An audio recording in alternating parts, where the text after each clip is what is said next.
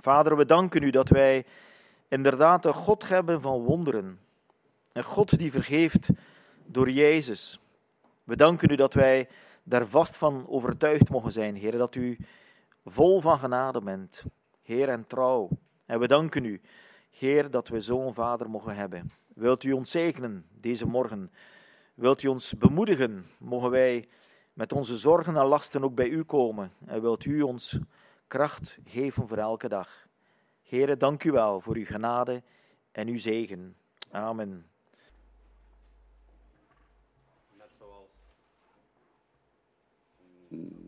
Ja, net zoals voorbije maanden hebben we um, komende vier weken op, opnieuw een lied van de maand.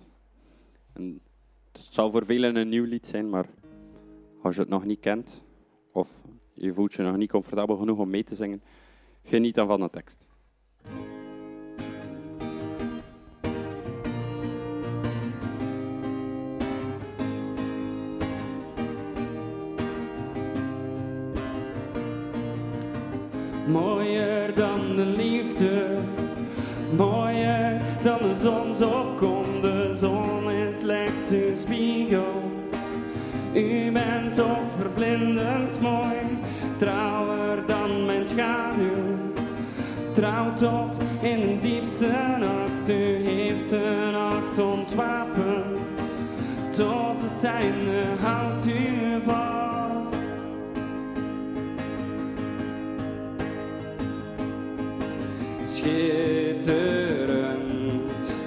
Schitterende Jezus. Alles waar ons hart om schreeuwt, ontdekken wij in u. Schitterend, schitterende Jezus. Alles waar ons hart om schreeuwt, ontdekken wij in u.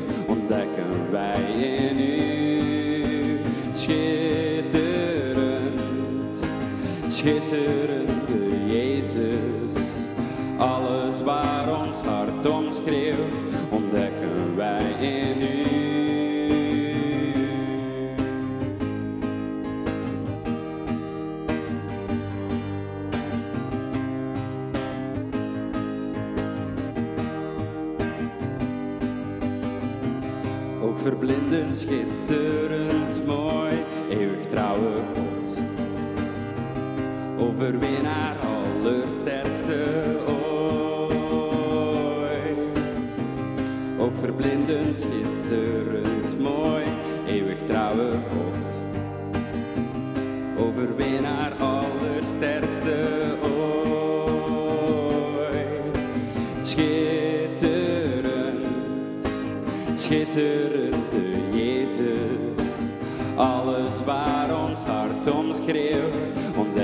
wij in u. Schitterend, schitterende Jezus. Alles waar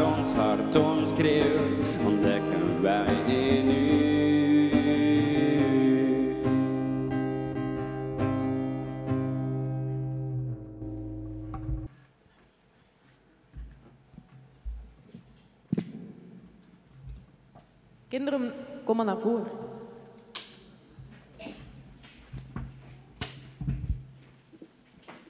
We gaan in een kring zitten. Ja, zorg maar dat er voor iedereen plaats is.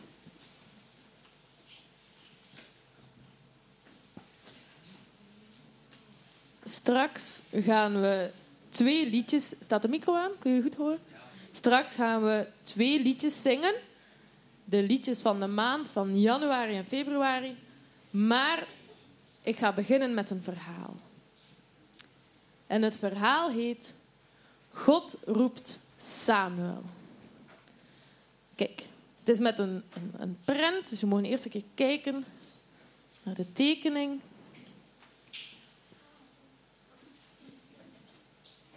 Is het waar? Kijk, maar dit verhaal gaat over een andere Samuel. De kleine Samuel woont nu bij Eli in de tempel. Eli zorgt als een vader voor hem. Kom eens kijken, Samuel. Zo doe ik water in de bak. Daarmee kunnen we ons wassen. Zo vul ik de lampen met olie. Kom, dan mag jij ook een keer olie in de lamp gieten. Na een paar keer oefenen lukt het Samuel goed. Zonder te morsen schenkt hij olie in de zeven bakjes van de kandelaar. Kijk, weet jullie wat een kandelaar is? Dat is een hele grote lamp. Kijk, zie je dat? Dat is de kandelaar en daar moet Samuel de olie in doen. Nu gaan we brood bakken, zegt Eli. Brood van meel, water en zout. We moeten alles goed door elkaar kneden. Dan wordt het een grote bol deeg. Dat deeg moet een tijdje rijzen en dan bakken we het in de oven. Als het uit de oven komt, is het een brood. Elke dag maken we twaalf broden. Die leggen we op de tafel in de tempel. Zo leert Samuel alles wat hij in de tempel moet doen. Hij houdt van Eli en luistert goed naar hem. Als Eli hem iets vraagt, dan doet Samuel dat meteen. Ook leert Samuel lezen en schrijven van Eli. Hij kan al veel letters schrijven. Er zijn wel 22 letters die hij moet leren. Hoeveel letters zijn er in ons alfabet? 26, ja. En bij Samuel waren het er 22. Alle Hebreeuwse letters die er zijn. Van die letters kan Samuel woorden maken. Na een tijdje kan hij zijn eigen naam al schrijven. Samuel leert iedere dag nieuwe woorden lezen. Eli heeft twee zonen. Die heten Shofni en Pinechas. Zij zijn ook priesters in de tempel, net zoals hun vader. Maar zij doen hun werk in de tempel niet goed en zij doen niet aardig tegen de mensen die aan God komen offeren. Ze pakken zelfs hun offervlees af. De oude Eli praat met zijn zonen. Wat gebeurt er toch? De mensen zeggen dat jullie verkeerde dingen doen, zegt Eli. Maar Shofni en Pinechas luisteren niet naar Eli. En ze luisteren ook niet naar wat God zegt. Shofni en Pinechas doen in de tempel gewoon wat ze willen. Zo geven zij geen goed voorbeeld aan de mensen. Daar is God niet blij mee. Eli en Samuel slapen in de tempel waar de kist van God staat. God is dus ook in de tempel. Het is al bijna ochtend. Opeens wordt Samuel wakker. Iemand roept hem: Samuel! Samuel! Is er iemand in de buurt? Samuel kijkt om zich heen, maar hij ziet niemand. Dat is vreemd. Dan moet het Eli zijn die hem geroepen heeft. Eli heeft mij nodig, denkt Samuel. Vlug staat hij op en hij loopt op zijn blote voeten naar Eli toe. Samuel schudt aan de schouder van Eli en maakt hem wakker. Kijk, hier kan je het zien. Samuel maakt de oude Eli wakker. Hier ben ik, Eli. Waarom hebt u mij geroepen? vraagt Samuel. Eli kijkt slaperig naar Samuel. Nee, zegt Eli, ik heb jou niet geroepen. Ga maar terug naar bed. Eli geeft en gaat weer slapen. Samuel wil ook gaan slapen. Maar dan hoort hij weer: Samuel, Samuel! Zie je wel, ik hoor het echt, denkt Samuel. Eli roept mij wel, dat is al de tweede keer. Vlug gaat hij naar Eli toe. Hier ben ik, Eli. Waarom hebt u mij geroepen? vraagt Samuel. "Oh, ik heb je echt niet geroepen, zegt Eli slaperig. Ga maar terug naar je bed. Eli geeuwt, draait, draait zich om in bed en slaapt verder. Samuel gaat ook naar bed. Hij begrijpt er niets van. Na een poosje hoort Samuel weer roepen. Samuel! Samuel! Dat is al de derde keer. Samuel rent naar Eli toe. Hier ben ik, Eli. Hebt u me nu wel geroepen? En wat denken jullie? Dan snapt Eli wie Samuel heeft geroepen. Eli is klaar wakker en gaat rechtop in bed zitten. Hij pakt Samuels hand vast. Luister eens goed, jongen. Ik heb je geen enkele keer geroepen. Dat deed God, ja. Ga nu naar je bed. En als je weer jouw naam hoort roepen, dan zeg je: Spreek God, ik ben uw dienaar en ik luister. Samuel ligt in bed, maar hij kan niet meer slapen. Hij wacht rustig en dan hoort hij.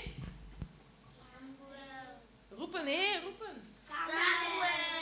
Ja, God roept hem weer, net als de vorige drie keer. En Samuel antwoordt: Spreek God, ik ben uw dienaar en ik luister. God vertelt aan Samuel over de twee zonen van Eli.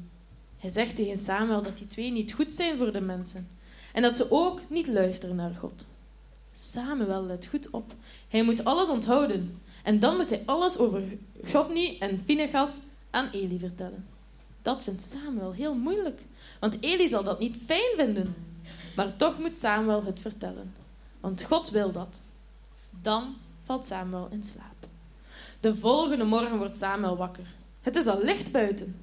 Samuel wrijft de slaap uit zijn ogen. Hij denkt: Heeft Eli mij vannacht geroepen? Of riep God mij? Gebeurde het echt of was het een droom?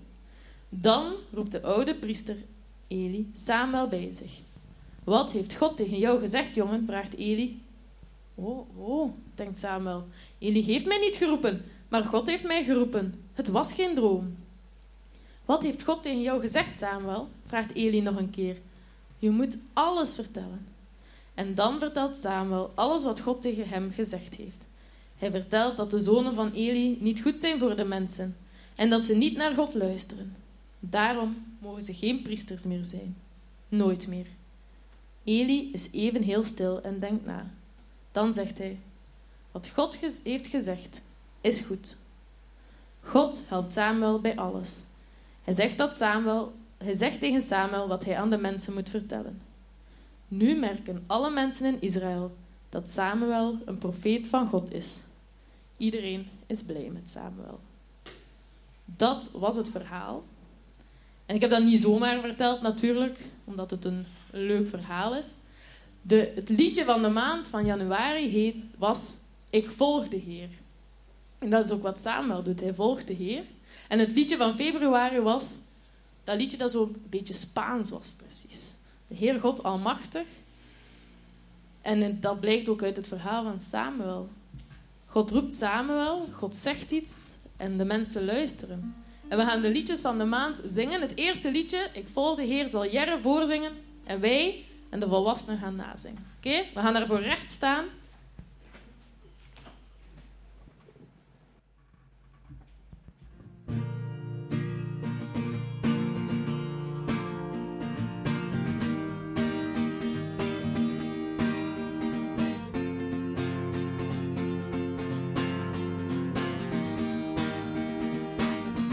Ik volg de Heer, want Hij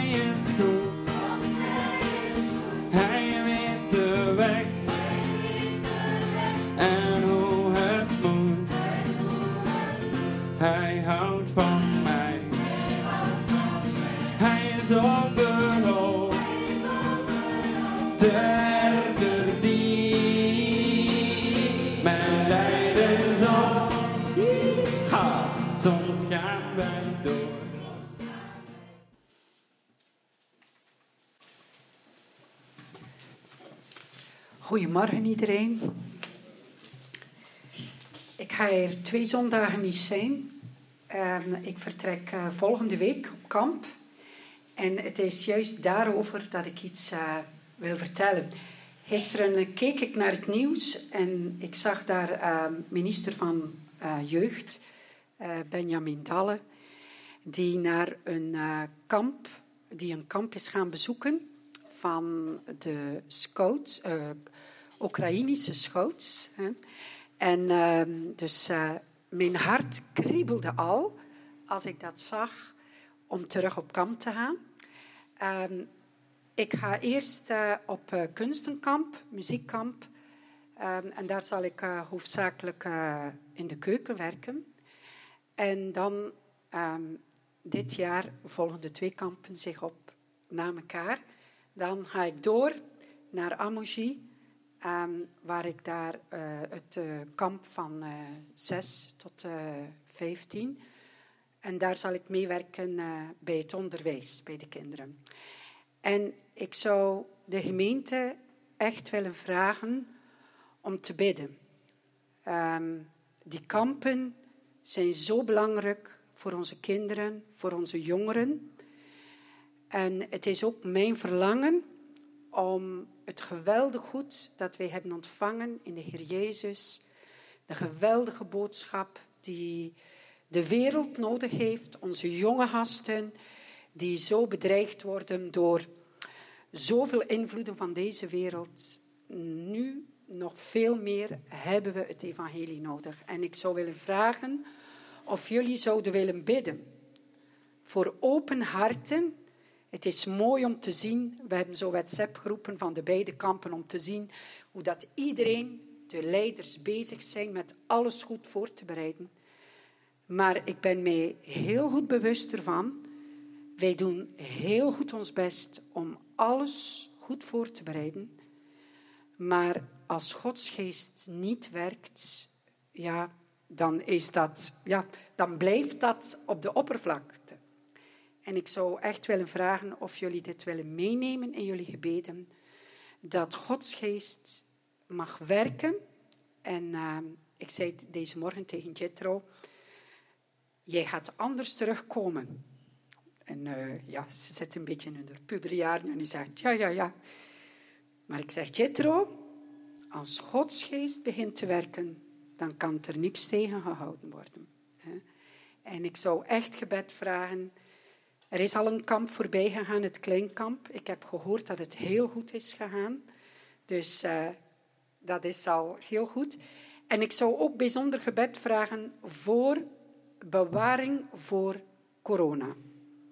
Het zou zeer jammer zijn dat er kinderen, jongeren, leiding moet uitvallen omwille van corona. En op dat moment denk ik dan ook aan het volk van Israël, die in het land Gosens was.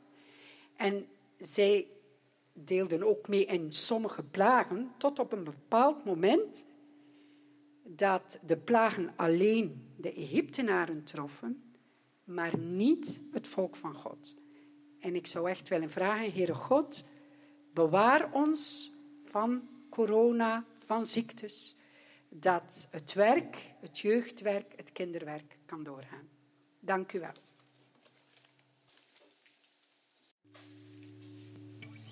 Goedemorgen.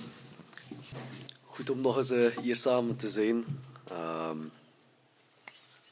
we komen hier samen om God te danken uh, voor ons leven, om Hem te danken voor alles wat dat Hij doet.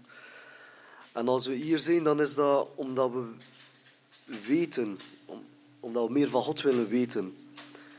Het is ook omdat we weten dat ons leven in, in Gods handen is. En, uh, en als we Hem kennen, dan, dan wordt er een leegte in ons opgevuld. En het geeft ons ook het verlangen om dit te delen met anderen, om mensen bij God te brengen. Nu, mensen bij God brengen, vandaag is dat, lijkt dat niet meer gemakkelijk. Het is niet gemakkelijk. Uh, als we hier in de kerk zijn samen, dan lijkt het alsof oké, okay, de zaal is gevuld. Maar één keer als we buiten zijn, dan weten we hoe, moeilijk het is om mensen echt aan te raken, om te brengen bij God. Het is vandaag niet gemakkelijk, maar het was ook niet toen gemakkelijk. In de tijd, net toen dat Jezus gestorven was en opgestaan en terug op, naar de Vader gegaan was, toen was het ook niet gemakkelijk. En vandaag gaan we ontdekken op welke manier mensen tot God gebracht werden. We gaan daarvoor kijken in Handelingen. Handelingen is een heel interessant boek, want Handelingen vertelt uh, het hele verhaal van hoe dat de kerk, hoe dat uh, de kerk werkte toen en op welke manier dat mensen het woord gebracht werden. We gaan samen lezen in uh, Handelingen hoofdstuk 16. Vanaf vers 34. Handelingen 16, vers 34. En op de Sabbatdag gingen wij de poort uit, de rivier langs, waar wij verwachten dat een gebedsplaats zou zijn. En nedergezeten spraken wij tot de vrouwen die samengekomen waren. En een zekere man, een zekere vrouw met name Lydia, een purperverkoopster uit de stad Thyatira, die God vereerde, hoorde toe. En de Heere opende haar hart, zodat zij aandacht schonk aan hetgeen door Paulus gezegd werd. En toen zij gedoopt was en haar, huis nodigde zij ons, zeggende, indien hij van oordeel zijt dat ik de Heere getrouw ben, neem dan uw intrek in mijn huis. En zij drong ons ertoe. En het geschiedde, toen wij naar de gebedsplaat gingen, dat een zekere slavin, die een waarzeggende geest had, ons tegenkwam, welke aan haar eigenaars met waarzeggen veel voordeel aanbracht. Deze liep Paulus en ons achterna, luid roepende, deze mensen zijn dienstknechten van de Allerhoogste God, die u de weg tot behoudenis boodschappen. En dit deed zij vele dagen lang. Maar toen zij Paulus verdroot, wendde hij zich tot de geest en zeide, ik gelast u in de naam van Jezus Christus van haar uit te gaan. En hij ging uit op datzelfde uur. Toen nu haar eigenaars zagen dat hun kans op voordeel verdwenen was, grepen zij Paulus en Silas en sleurden hen naar de markt voor de overheid. En toen zij bij hen, bij de hoofdlieden gebracht hadden, zeiden zij, deze mensen brengen onze stad in rep en roer, daar zij Joden zijn, en zij verkondigen zeden die wij als Romeinen niet mogen aanvaarden of volgen. Ook de menigte scholde tegen hen samen en de hoofdlieden scheurden hun kleren van het lijf en lieten hen met de geroede gezelen. En na hun vele slagen gegeven te hebben, wierpen zij hen in de gevangenis, met bevel aan de bewaarder hen zorgvuldig te bewaken. Daar deze zulk een bevel ontvangen had, zette hij hen in de midden, binnenste kerker en sloot hun voeten zorgvuldig in het blok. Maar omstreeks middernacht baden Paulas en Silas en zongen Gods lof. En de gevangenen luisterden naar hen. En nog plotseling kwam er een zware aardbeving, zodat de grondvesten der gevangenis schudden. En terstond gingen alle deuren open, en de boeien van allen raakten los. En de bewaarder, uit zijn slaap opgeschrikt, zag de deuren der gevangenis opstaan, trok zijn zwaard en was op het punt om zelfmoord te plegen. Maar Paulus riep met luide stem: Doe uzelf geen pijn, want wij zijn allen hier. En hij liet licht brengen, sprong binnen en wierp zich, bevende over al zijn leden voor Paulus en Silas neder. Hij leidde naar hen buiten en zeide: Heren, wat moet ik doen om behouden te worden? En zij zeiden: Stel uw vertrouwen op de Heer Jezus, en hij zult behouden worden, hij en uw huis. En zij spraken het woord van God tot hem, in tegenwoordigheid van allen die in zijn huis waren. En in datzelfde uur van de nacht nam hij hem mede om hun striemen af te wassen. En hij liet zichzelf en al de zijnen terstond dopen. Het is de hele tekst. Het vertelt eigenlijk uh, drie verhalen. Drie voorbeelden van hoe dat mensen in ontmoeting tot God gebracht werden. Drie verschillende personen. Drie verschillende situaties. Drie verschillende manieren om te komen tot God. Eén boodschap. Het eerste verhaal gaat over Lydia. We noemen het het evangelie, gebracht voor de religieuze. Het tweede is de slavin, het evangelie gebracht voor de verlorenen in de maatschappij. En de derde voorbeeld is de cipier, de gevangenisbewaker, het evangelie gebracht voor de gewone man in de straat.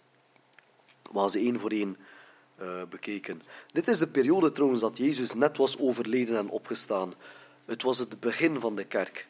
En het woord was nog niet overal gekomen. En de christenen, de volgers van Jezus, werden gezien als rare mensen. Het, het, was, was iets bizars, iets ongewoons. Dus eigenlijk, uh, ja, die zaten in dezelfde situatie als ons vandaag. Het eerste voorbeeld van Lydia. We ieder voorbeeld bekeken door het kijken naar de achtergrond van die persoon. Hoe dat het woord werd gebracht. En als derde, hoe dat dit ons kan helpen. Lydia was een handelaarster in purper. Purper is een kleurstof die extreem duur was. Uh, men, men schat dat het tussen de 10 à 20 keer duurder was dan goud. Als we puur keken naar het gewicht. Het was super duur. Lydia was rijk. Ze was een handelaar in luxegoederen. Ze, ze had ook een hoge moraal. Ze wou het goede doen. En we weten dat zij God zocht samen met de Israëlieten. Ze was daar op die gebedsplaats eh, waar dat die Joden samenkwamen. En ze kende de tien geboden. Ze kende ook over de offers van God. En wat dat zij deed, zij deed het goede. Ze deed haar plicht in de hoop dat ze tot God zou komen. Op dat moment begonnen Paulus en Silas te spreken over Jezus. Ze leren iedereen dat het leven komt van God. En niemand is goed genoeg om tot Hem te komen. Al die wetten en die regels, niemand kan ze volgen. En uh, ze leren dat God te groot is voor ons. Maar dat Jezus zelf kwam, Hij was de Zoon van God. Hij stierf om, om alle fouten van iedereen op zich te nemen, zodat iedereen tot God mag komen. Niet omwille van wie dat we zijn, niet omwille van wat we hebben gedaan, maar gewoon omdat jij, omdat God jou tot u neemt. Door Jezus. En hij aanvaardt we zoals dat je bent. En op dat moment bij Lydia was er een besef. Er, er, er, er was een klik die in haar werd gemaakt van, ah oké, okay, heel mijn leven volg ik die wetten, heel mijn leven doe ik het goede en ik hoop dat ik bij God kan komen, ik doe mijn best. Maar diep van binnen wist ze ook wel dat ze nooit goed genoeg zou zijn voor God. En dan hoort ze die boodschap van, je, je zult nooit goed genoeg zijn en je moet niet goed genoeg zijn. Want God neemt je bij jou, omdat Hij jou lief heeft.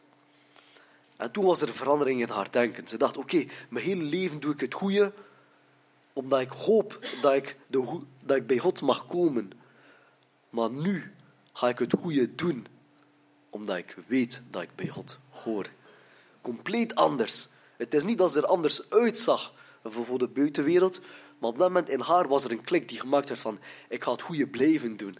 Ik blijf God volgen, want ik weet dat ik bij God hoor. Ik doe het niet omdat ik het ga verdienen. Nee, ik doe het omdat ik weet dat ik het heb gekregen. Er was een zekerheid in haar die zei van, ik hoor bij God. Wat ik ook doe, wat ik ook verkeerd doe. Ik hoor bij God. En dit is het eerste voorbeeld. Lydia was iemand die al min of meer zoekende was. En zij werd aangeraakt door het woord. Mensen kunnen aangeraakt worden. In bepaalde situaties worden mensen aangeraakt door God, door het woord te horen.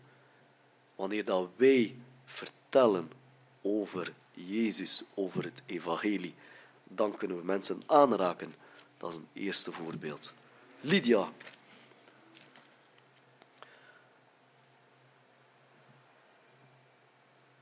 Tweede voorbeeld, de slavin.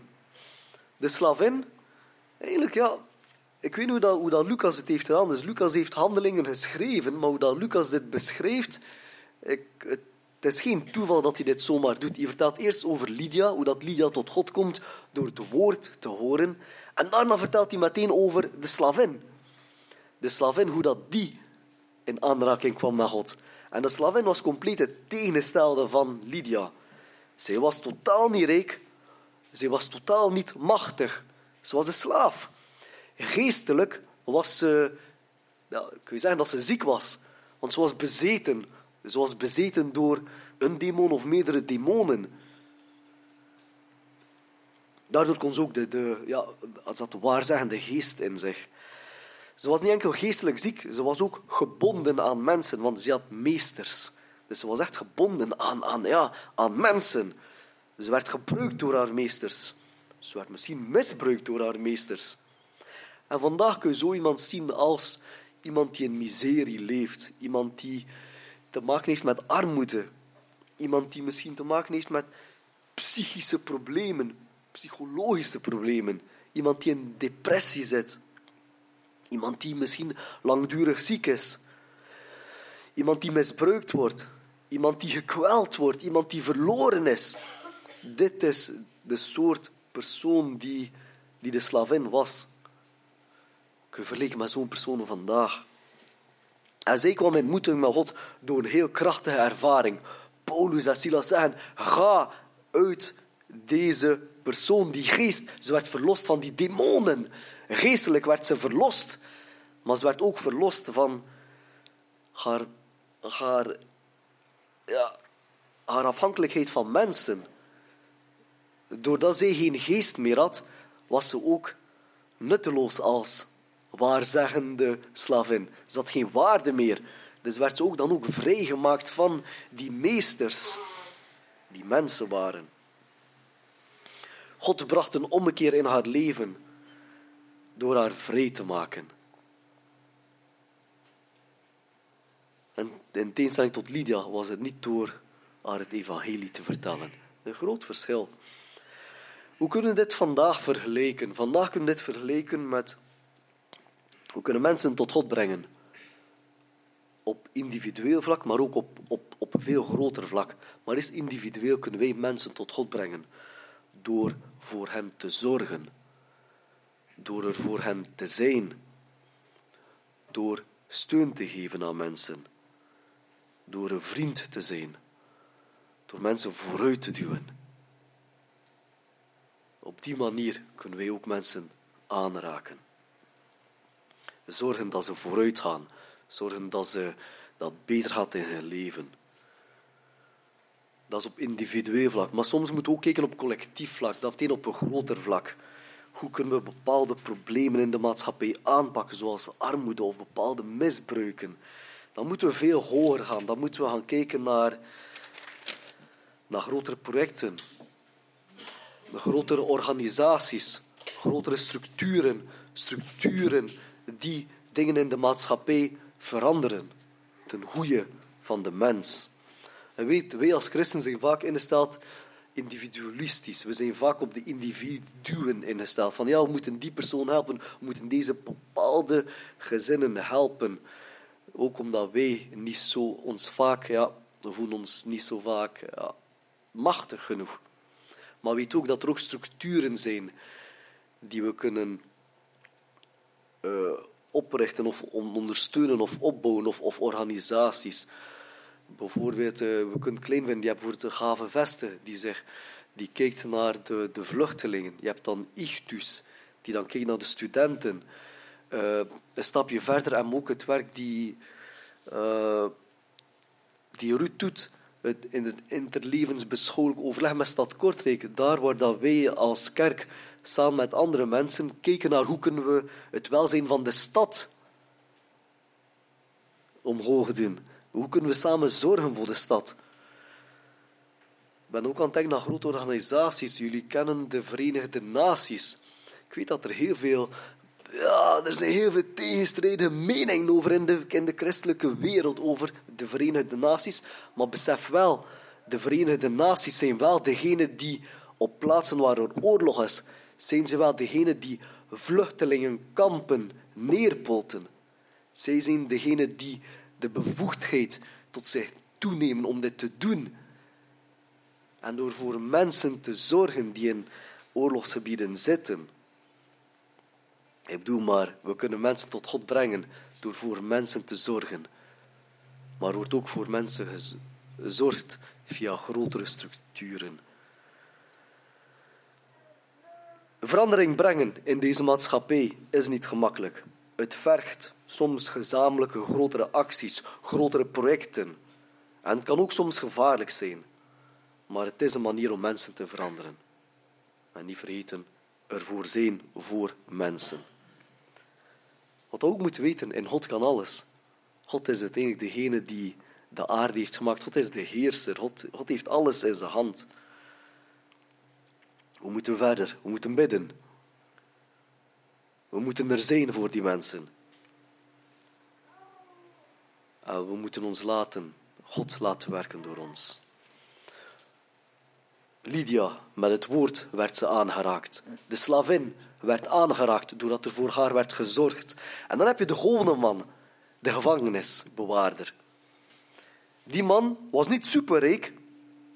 Hij was niet superarm, nee. Hij was ook niet die, die wakker ligt van uh, die religie of moraliteit. Nee, deze man was een degelijke burger. Deze man was een, een ambtenaar. Hij deed zijn plicht. Hij gaf Paulus slagen, omdat het moest. Hij smeet Paulus in de gevangenis, bond ze vast, omdat het moest. Was wel een degelijke burger, want we weten één ding. Mensen die zo'n postje hadden, gevangenisbewaarder, chef van de gevangenis, dat werd niet aan gelijk wie gegeven. Dat werd wel meestal gegeven aan, aan, goede Romeinen die zo goede positie hadden. Niet superrijk, maar een deftige burger. Hij had God niet nodig. Hij lag niet wakker van God. Hij lag niet wakker van het goede of het slechte. Maar op dat moment, in deze passage, gebeurde er iets in zijn leven die zijn leven heeft veranderd. Er was een aardbeving. De gevangenisdeuren gingen open. De boeien gingen los van die, van die gevangenen. En hij stond op punt om zelfmoord te plegen. Waarom? Het volgende moet je begrijpen. Hij als gevangenisbewaarder was verantwoordelijk voor de gevangenen. En in die tijd was het zo. Als jij, als jouw gevangenen wegvluchten, als iets gebeurde met jouw gevangenis, dan werd jij gestraft. En uh, het zou kunnen dat je wordt gedood. Het zou kunnen. Misschien niet, misschien wel. Maar je zou sowieso wel gesanctioneerd worden. En dus die man dacht van... Weet je wat, ik word hier toch gesanctioneerd. Al die gevangenen die vluchten weg. Het is verloren. Mijn postje, ik mag het vergeten. Mijn status, ik mag het vergeten. Mijn leven is voorbij. Laat ik gewoon de eer voor mezelf houden. Ik neem mijn zwaard en ik pleeg zelfmoord. Dan heb ik tenminste mezelf gered. En Paulus zegt, stop, stop. Pleeg geen zelfmoord, man. We zijn hier nog altijd. We zijn niet weggevlucht. We waren gewoon aan het zingen. We waren gewoon uh, God aan het loven. En, en toevallig kwamen die boeien los. Maar we, gaan nu niet weglopen, man. We blijven hier in de gevangenis.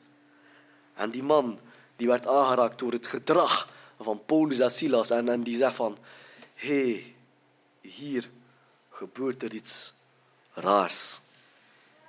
Je is verward, je is ontroerd en je zegt, hey, dus, dus, jullie vluchten niet weg. Dus, dus mijn leven wordt gewoon gespaard. Ik, ik, ik, ik mag mijn status behouden dan. Wat is er gebeurd? Gewone mensen liggen niet wakker van God. Ze hebben geen nood aan uitleggen van de Bijbel. Ze hebben ook geen nood aan een drastische verandering in hun leven. Ze hebben ook geen nood aan iemand die hen steun heeft of voor hen zorgt. Ze hebben dat niet nodig. Maar af en toe in hun leven gebeurt er iets.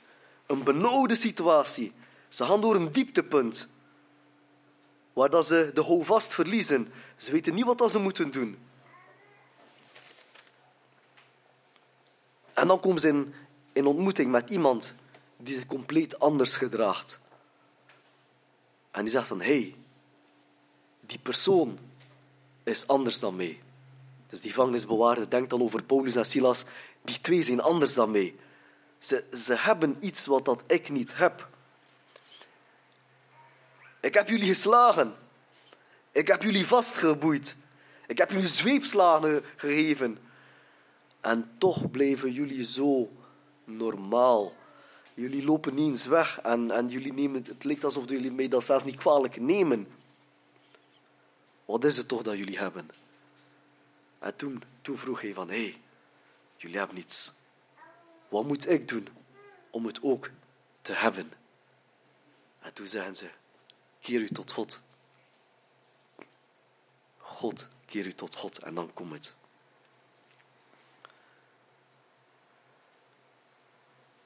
Wat er is gebeurd, deze man, hij werd aangeraakt.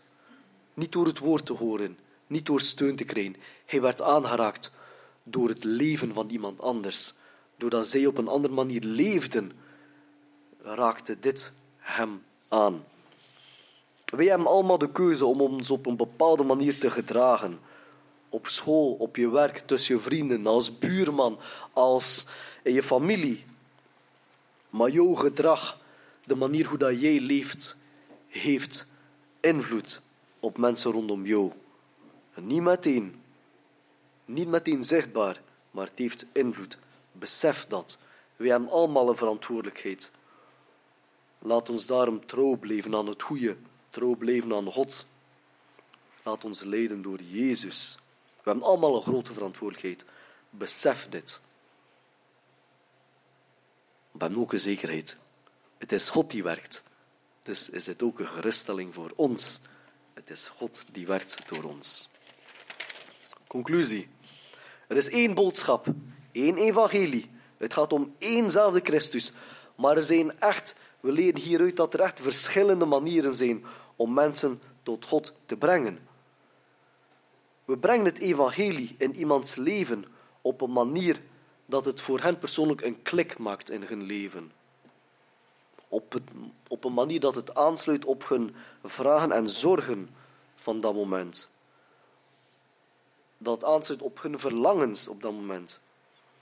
Zodat dat evangelie een antwoord wordt op hun persoonlijke levensvragen. Lydia was zoekende. Het woord bracht een oplossing in haar leven. De slavin was bezeten. Er werd gezorgd voor haar. Dat bracht een oplossing in haar leven. De cipier was een gewone mens, had God niet nodig. Maar toen dat hij in aanraking kwam met mensen die anders leven, werd hij ook aangesproken. Drie punten om af te sluiten. Voor de zoekende, voor de personen die zoekend zijn.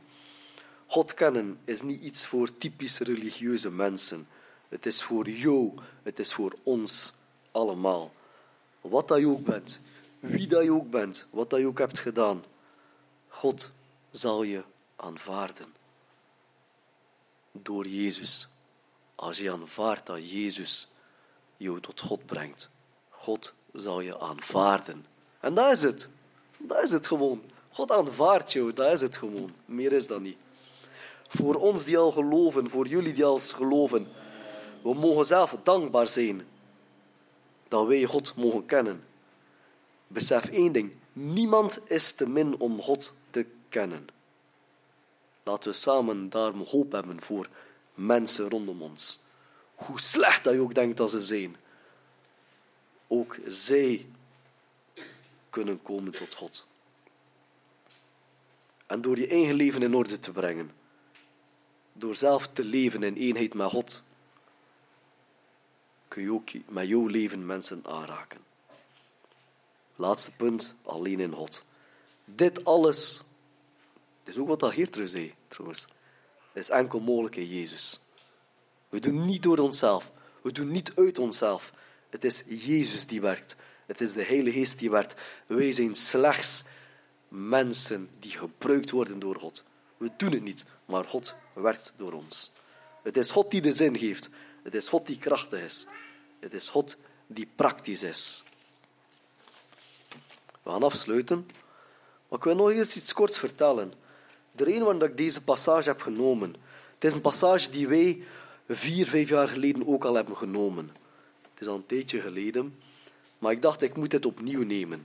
En de reden is omdat ik zo vaak in gesprek ben, ook met vrienden, christenvrienden dan, met Jan en Stefan.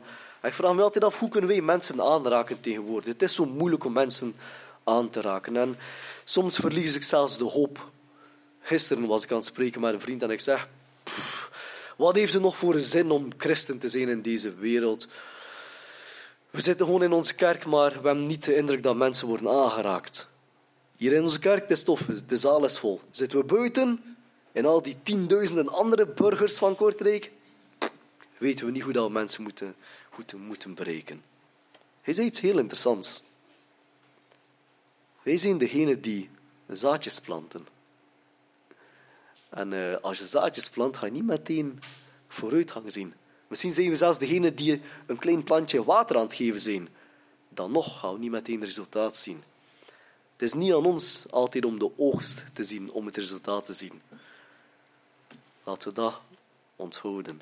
Soms zijn we gewoon degene die zaadjes planten en die een beetje water geven of die mest geven. We gaan het niet weten. Laat ons samen opheffen. We gaan danken. Dank u wel, Vader, voor deze mooie dag. Dank u wel voor de tijd van rust die ons geeft.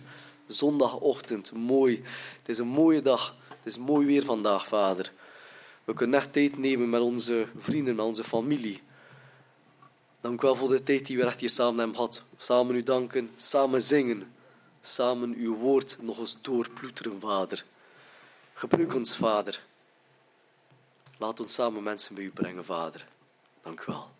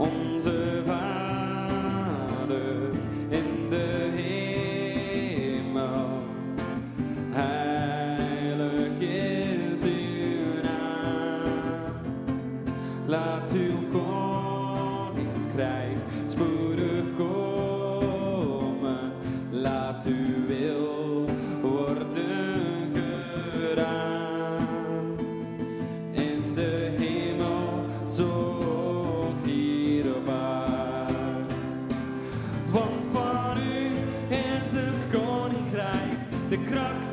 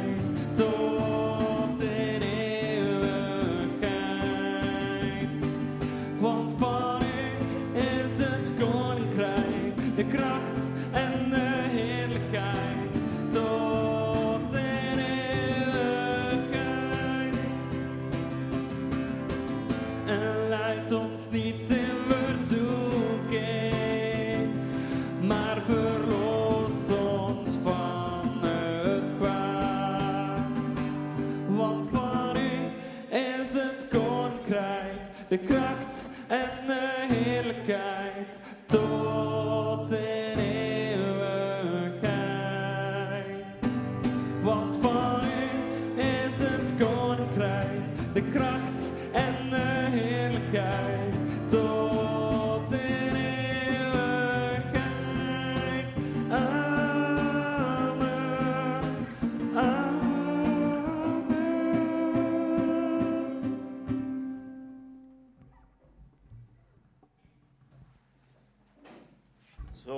op het einde gekomen van de dienst. Bedankt Thomas voor uw woord.